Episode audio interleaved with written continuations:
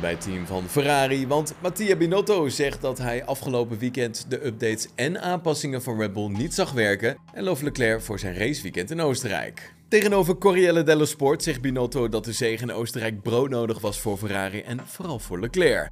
Wel balt hij van Sainz omdat ze in Oostenrijk zeker met beide coureurs konden scoren, maar het is duidelijk dat ze nog in beide kampioenschappen geloven. Volgens de teambaas hebben de updates die de concurrent Red Bull mee heeft genomen naar Silverstone en Spielberg niet veel effect gehad.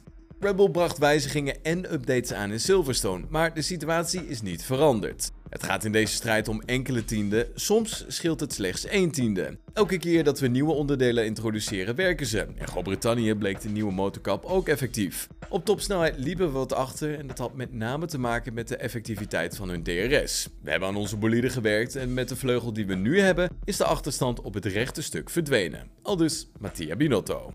Ja, met Michel Blekemolen blikken we alvast eh, vooruit op de Grand Prix van Zandvoort. Hij denkt namelijk dat het weer een groot feest gaat worden daar tijdens de Grand Prix van Nederland. Volgens hem is het dorp te klein. Ja, er mogen nu wat meer mensen komen natuurlijk. Uh, het, is fantastisch hoe het gedaan is. Uh, ik hoor de hele dag, hoe moeten we het evenaren of verbeteren? Nou, ik zou het niet weten, want alles was goed. De routes daar naartoe, alles was zo perfect georganiseerd dat uh, het was eigenlijk te mooi om waar te zijn. En dan Max natuurlijk winnen. En uh, ja, een, mooi evenement. Dus uh, het, zal het, weer, het zal weer worden, maar een, een, weer worden bedoel ik niet. Hoe, of de bui, regenbui naar beneden komt. Maar dat zou nog een beetje minder zijn als dat gebeurt. Alhoewel, als Max dan wint, iedereen neemt wel een poncho mee. Dus dan uh, gaan we naar een regenrace kijken. Dus alle uh, GP-fans die op dit moment uh, kijken, die, die aanwezig zijn in dat weekend, die kunnen met veel vertrouwen richting Zandvoort. Ja, het is, laten we hopen dat we niks met corona-achtige situaties mee gaan maken. Maar dan wordt dat een, een heksenketel. het dorp is te klein, denk ik, s'avonds. En ja, dat wordt wel heel apart. Helaas ben ik er zelf niet bij, want ik moet racen in Kroatië. Ja. Dus, uh, maar ik ga het op afstand, uh, ja, ik vind het heel jammer. Ja. Ik zit zelfs nog te twijfelen of dat of dat. Maar zelfrace blijft lukken.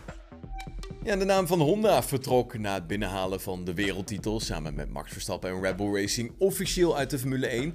Maar sinds dat vertrek, na die wereldberoemde race in Abu Dhabi, zingen geruchten over een eventuele terugkeer van de Japanners echter door de paddock. Op de achtergrond blijft Honda echter nog wel verbonden met de teams van Red Bull Racing en AlphaTauri. Terwijl het Red Bull Powertrains project uit de grond wordt gestampt in Milton Keynes, blijft Honda op de achtergrond onder andere produceren en technische ondersteuning bieden. Over een eventuele volledige terugkeer laat Honda het volgende weten.